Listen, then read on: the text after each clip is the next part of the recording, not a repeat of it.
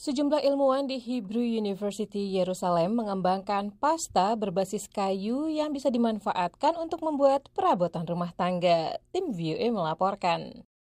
Ide para ilmuwan ini berkembang dari kecintaan mereka pada lingkungan. Mereka ingin mendaur ulang materi ramah lingkungan yang banyak tersedia namun kadang diabaikan dan menghindari pemanfaatan bahan-bahan yang membahayakan lingkungan. Perabotan berbahan kayu seperti kursi, meja, dan rak buku banyak tersebar dan tidak digunakan. Alasannya beragam, mulai dari rusak kecil hingga ketinggalan mode. Mereka berpikir mengapa tidak mendaur ulangnya dan membuatnya menjadi produk baru tanpa membahayakan lingkungan. Para ilmuwan di Hebrew University ini pada prinsipnya mengembangkan pasta khusus berbahan dasar kayu. Setelah dicetak lewat mesin tiga dimensi, pasta itu akan mengering dan bisa dibentuk sedemikian rupa menjadi perabotan kayu yang diinginkan.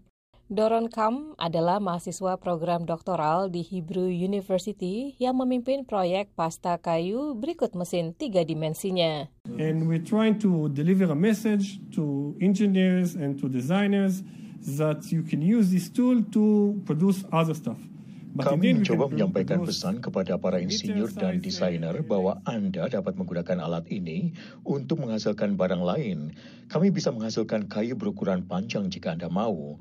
Anda bisa menghasilkan lekukan kayu yang bagus dan berbeda di seluruh objek. Saya pikir ini adalah lahan subur yang sangat bagus untuk beberapa produk aplikatif. Kam mengatakan produk yang dikembangkannya itu bisa didaur ulang dan memiliki sifat fisik yang menyerupai kayu asli.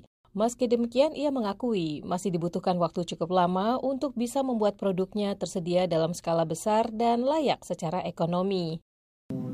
So I think the most important stuff of the material is that this is really sustainable material.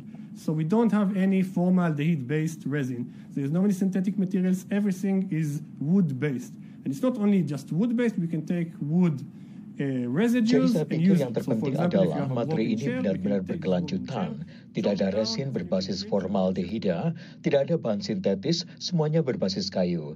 Jadi misalnya jika Anda memiliki kursi yang rusak, kami dapat mengambil kursi yang rusak itu, memotongnya, dan kemudian mencetak kembali kursi Anda. Kam dan rekan-rekan sejawatnya saat ini juga sedang memikirkan bagaimana caranya memanfaatkan sampah daun dan ranting tanaman dan mengubahnya menjadi bahan kayu. Sekian laporan tim VOA Arif Budiman, Lea Johannes.